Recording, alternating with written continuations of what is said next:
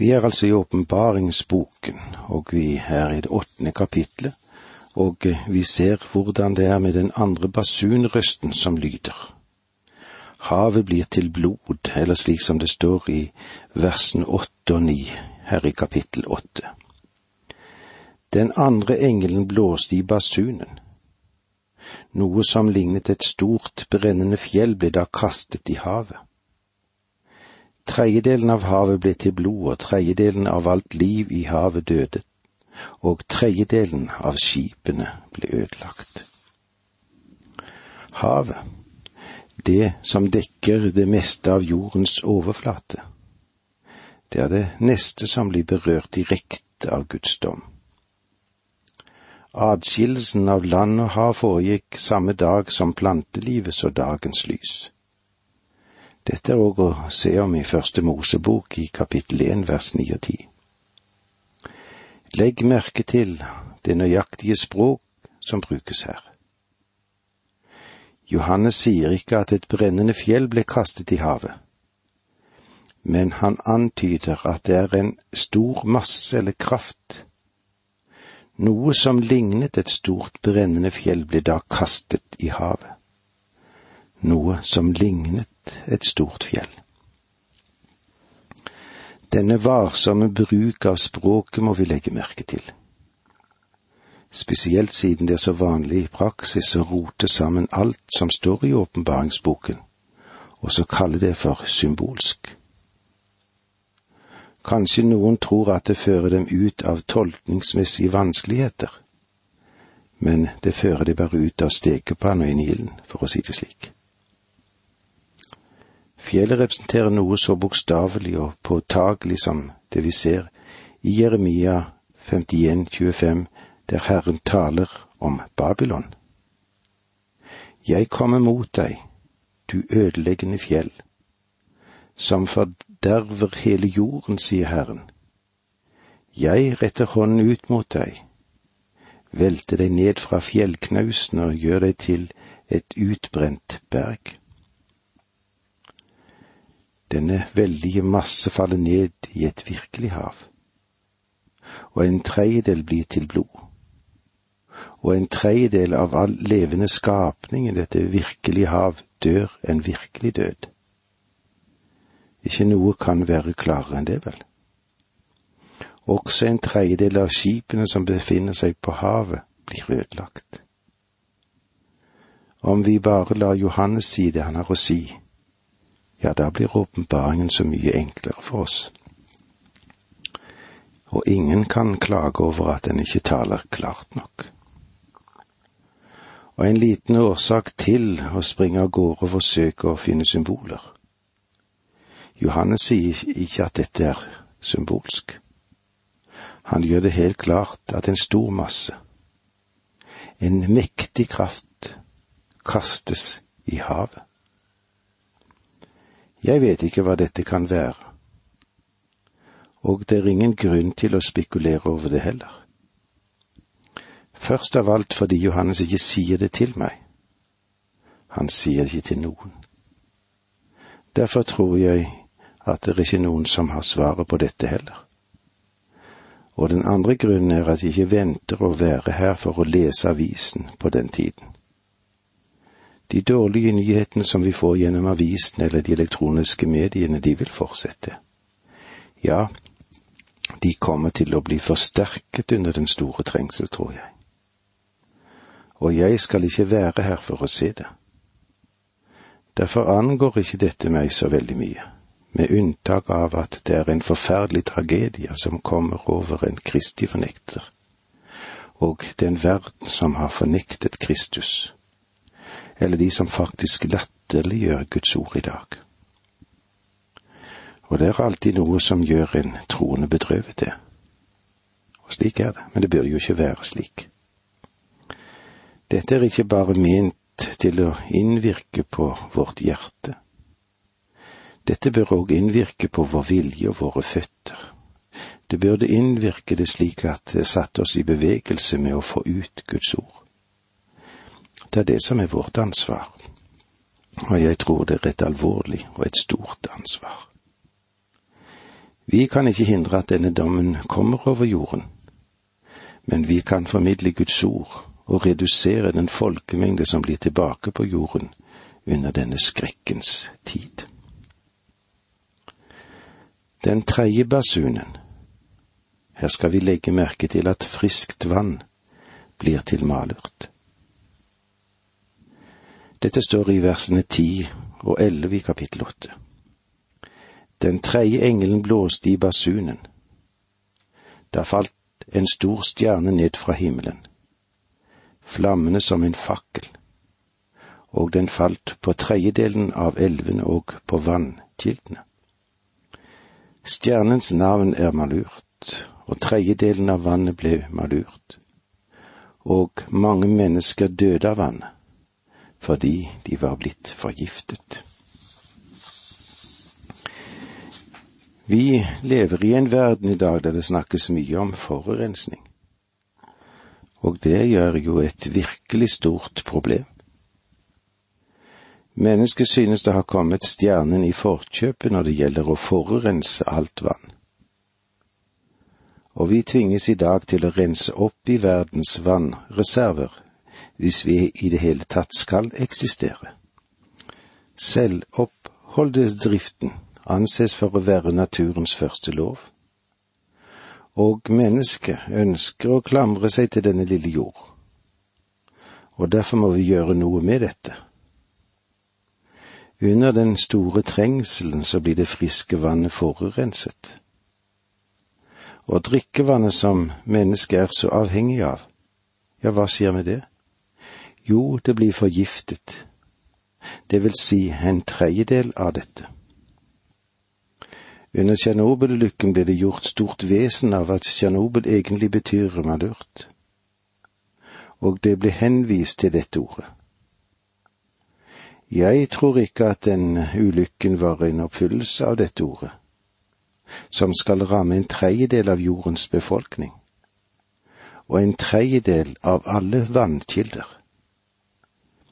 Men Tsjernobyl burde være et skoleeksempel på at det overhodet var ingen vanskelighet på det øyeblikket å gjøre en tredjedel av jordens vannkilder ubrukelige. Da Israels barn krysset Rødehavet, kom de til Mara der vannet var bittert. Moses fikk ordre om å ta et tre og kaste ut i vannet for å gjøre det drikkelig igjen. Her i åpenbaringsboken ble det friske vann gjort til malurt ved en meteor, en stjerne fra himmelen. Det tre som Moses kastet i vannet, taler om Kristi kors. Malurt er et navn som blir brukt billig i Det gamle testamentet på følgende måter. Det første Israels avgudsdyrkelse. Det kan du se om i femte Mosebok 2918. Det andre problemer og sorger.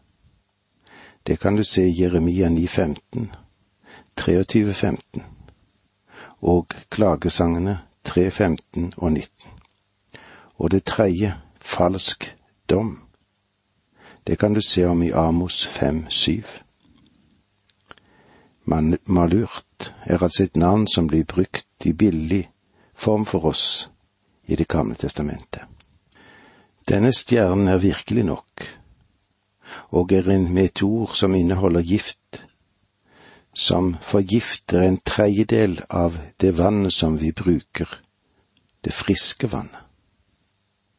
Stjernen, navnet på den, antyder at dette er en dom over mennesket på grunn av avgudsdyrkelsen som fantes, og urettferdigheten. Fortvilelse og sorg er det naturlige resultat som kommer til menneskeslekten på grunn av denne dom. Og så har vi den fjerde basun. Sol, måne og stjerne rammes. Det står om dette i det tolvte verset i Åpenbaringen åtte. Og med dette verset så avslutter vi for i dag. Den fjerde engelen blåste i basunen. Da ble tredjedelen av solen og av månen og av stjernene rammet, og en tredjedel av dem ble formørket. Dagen mistet en tredjedel av sitt lys, og natten likeså. Og med disse ordene sier vi takk for nå, må Gud være med deg. Dette undervisningsprogrammet består av to deler. Åge Nevland fortsetter nå med andre del av dagens undervisning. Vi er i Johannes' åpenbaring, og vi er i det åttende kapittelet og i avslutningen av dette kapittelet før vi går inn i kapittel ni. Og det vi vil stoppe opp for litt nå, er den fjerde basun, hvor sol, måne og stjerner rams og slik som det står i det tolvte verset i kapittel åtte. Den fjerde engelen blåste i basunen. Da ble tredjedelen av solen og av månen og av stjernene rammet, og en tredjedel av dem ble formørket. Dagen mistet en tredjedel av sitt lys, og natten likeså. En annen fase i skapelsen som mennesket på jorden er helt avhengig av, det er lys og liv, det er solen. I mindre grad er mennesket avhengig av månen og stjernene. Det var på fjerde dag av skapelsen at disse himmellegene dukket opp. De hadde vært skapt tidligere, men lyset brøt igjennom på den fjerde dagen. Og nå slukkes lyset. Ja, for å si det på den måten, da, over en tredjedel av jorden. Gud tente disse lyskildene. Den største for å lyse om dagen, og de mindre for å lyse om natten, og de skulle danne tegn og tider.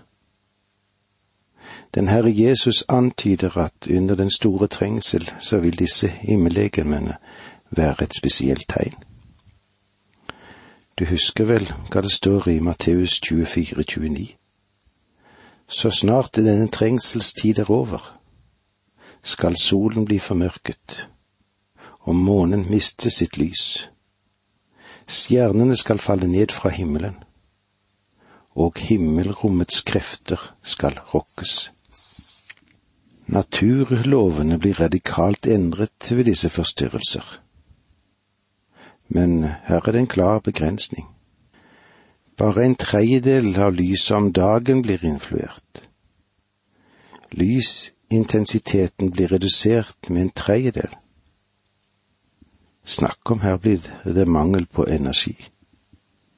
Tro meg, det blir i sannhet en dag, dette.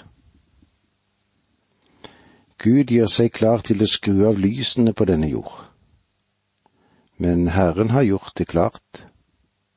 Så lenge jorden står, skal sæd og høst, kulde og varme, sommer og vinter, dag og natt, aldri mer ta slutt, står det i første Mosebok 822.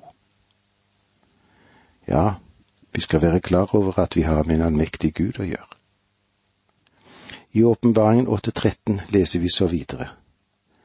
Da så jeg en ørn som fløy høyt oppe under himmelhvelvet, og jeg hørte den rope med høy røst, Ved, ved, ved over dem som bor på jorden, når de tre siste englene lar sine basuner lyder.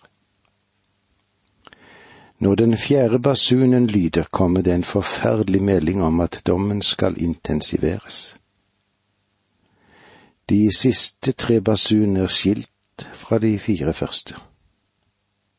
I særlig grad blir et ved knyttet til dem. Da så jeg en ørn som fløy høyt opp under himmelhvelvet, og jeg hørte den rope med høy røst. Noen vil vel kunne si, denne ørnen snakker. Er det bokstavelig talt en ørn? Hvis Gud kan få en papegøye og flere andre fuglearter til å snakke, så tror jeg ikke det vil være noen problemer med en ørn heller. Og Biliams esel har jo talt i årtusener. Det er interessant å legge merke til at Herren brukte en ørn for å tale over sitt komme. I Matteus 24, 28, hvor åtslet er, der skal ørnene samles. At han i den nye oversettelsen har oversatt det med gribber, ja, det skjønner jeg ikke så veldig mye av. Det må bare skyldes at åtsel og gribb i vår vanlige tenkning hører sammen. Men for Bibelen betyr dette noe mye, mye mer. Men alt dette kommer til å skje etter det store slaget ved Harmageddon. Det var det vi hadde med oss ifra kapittel åtte. Nå går vi inn i kapittel ni. Og de siste tre trompeter er atskilt fra de fire andre innledes altså ved et vedrop. Vi kommer nå til en del av boken som er forunderlig og vill. Det blokkerer vår tanke når vi leser gjennom dette kapitlet. Alle slags fortolkninger er gitt angående dette kapitlet. Men la oss for all del sette føttene ned på bakken igjen. Og vi vil se at de ting som er nevnt her, ikke bør engste oss i det hele tatt. Om du er et Guds barn, skal du ikke gjennomleve dette. Det tilhører ikke menighetens velsignede håp å uttale disse tingene. Så langt jeg ser det, vil menigheten være løftet bort fra verden ved denne tid og dette vil skje under den store trengselstiden for en Kristus-fornektende jord. De ved som tales om her, markerer det, det dypeste mørket og den mest smertelige intensitet under hele den store trengsel. Vanligvis blir de knyttet til Lissé til de siste tre og et halvt år av den syttiende uke som Daniel beskriver som er den store trengselstiden. Dette vil bli de dystreste dagene som finnes i menneskets historie. Det språk som brukes i dette kapitlet, må jeg erkjenne er svært vanskelig å tolke. Men den avskjærer ikke den linjen vi har fulgt så langt. Selv om de bilder som blir brukt er svært så markante og skremmende. Om det trenges en annen tolkning, så vil Johannes gi oss nøkkelen til den. Vi har nå det første verset i det niende kapitlet her i åpenbaringsboken, den femte basunen, den falne stjerne og gresshoppeplagen. Den femte engelen blåste i sin basun. Da så jeg en stjerne som falt fra himmelen ned på jorden. Den fikk nøkkelen til brønnen som fører ned i avgrunnen. Da så jeg en stjerne som var falt fra himmelen ned på jorden. Vi har allerede sett to stjerner, og vi sa at dette bokstavelig talt var stjerner, meteorer, som falt på jorden. Men her har vi en annen type stjerne som er blitt gitt en person ved nevning. Derfor er denne stjernen forskjellig fra de stjernene som ble nevnt da den fjerde basun ga sitt signal. Denne stjernen handler ikke bare om en intelligens, men blir også gitt en nøkkel som han bruker. Og det ligger utenfor en forståelse av stjerne i fysisk betydning av ordet. Vi tror at denne stjernen er Satan. Noen har ment at stjernen er Antikrist. Om det er slik, gir det støtte til det synspunktet at Antikrist er Satan i menneskeskikkelse. Men eh, det er vanskelig å tolke det inn her. Mitt poeng er at Antikrist er nøyaktig det. Han er alt Kristus ikke er. Han er motivert av Satan. Årsakene til å tolke denne stjernen som Satan er mange. Og profeten Jesaja skriver om dette i sitt 14 kapittel vers 12. Å, at du er falt fra himmelen, du morgenstjerne, daggryets sønn, at du er slengt til jorden, du som seiret over folkeslag. Og i Lukas leser vi det slik. Han, Jesus, svarte, Jeg så Satan falle ned fra himmelen som et lyn. Lukas 10, 18. Det ville ligne en fallen stjerne, skjønner du, og Paulus skriver det også på denne måten i andre Korinterbrev, kapittel 11, vers 14. Det er ikke noe å undres over, for selv Satan skaper seg om til en lysets engel. Disse bibelavsnittene vi leste nå, bekrefter det synspunkt at det er Satan som, er tenkt, som det er tenkt på her. Johannes vil senere understreke at Satan blir kastet ut fra himmelen og kastet ned på jorden. Det kan du se om i åpenbaringsboken 12, 7-9. Om vi nå tenker oss at denne stjerne som omtales her er Satan som kastes ut fra himmelen, hva gjør han så? Han tar nøkkelen til avgrunnen, som åpenbart betyr at Gud tillater ham å gjøre det. Nøkkelen beskriver autoritet og makt, og den er gitt ham av Gud. Dette er Guds tillatelige vilje. Brønnen som fører ned til avgrunnen, det er den bunnløse avgrunnen som vi møter igjen i Åpenbaring 10.3. Avgrunnen og Hades dødsrike kan være synonyme begreper, men avgrunnen og helvete er ikke det samme. Det er mulig at Herren henviste til avgrunnen i Matteus 12,40. For som profeten Jonah var tre dager og tre netter i den store fiskens buk, slik skal menneskesønnen være tre dager og tre netter i jordens dyp og la dette være det siste vi får med oss i dag. Takk for nå, må Gud være med deg.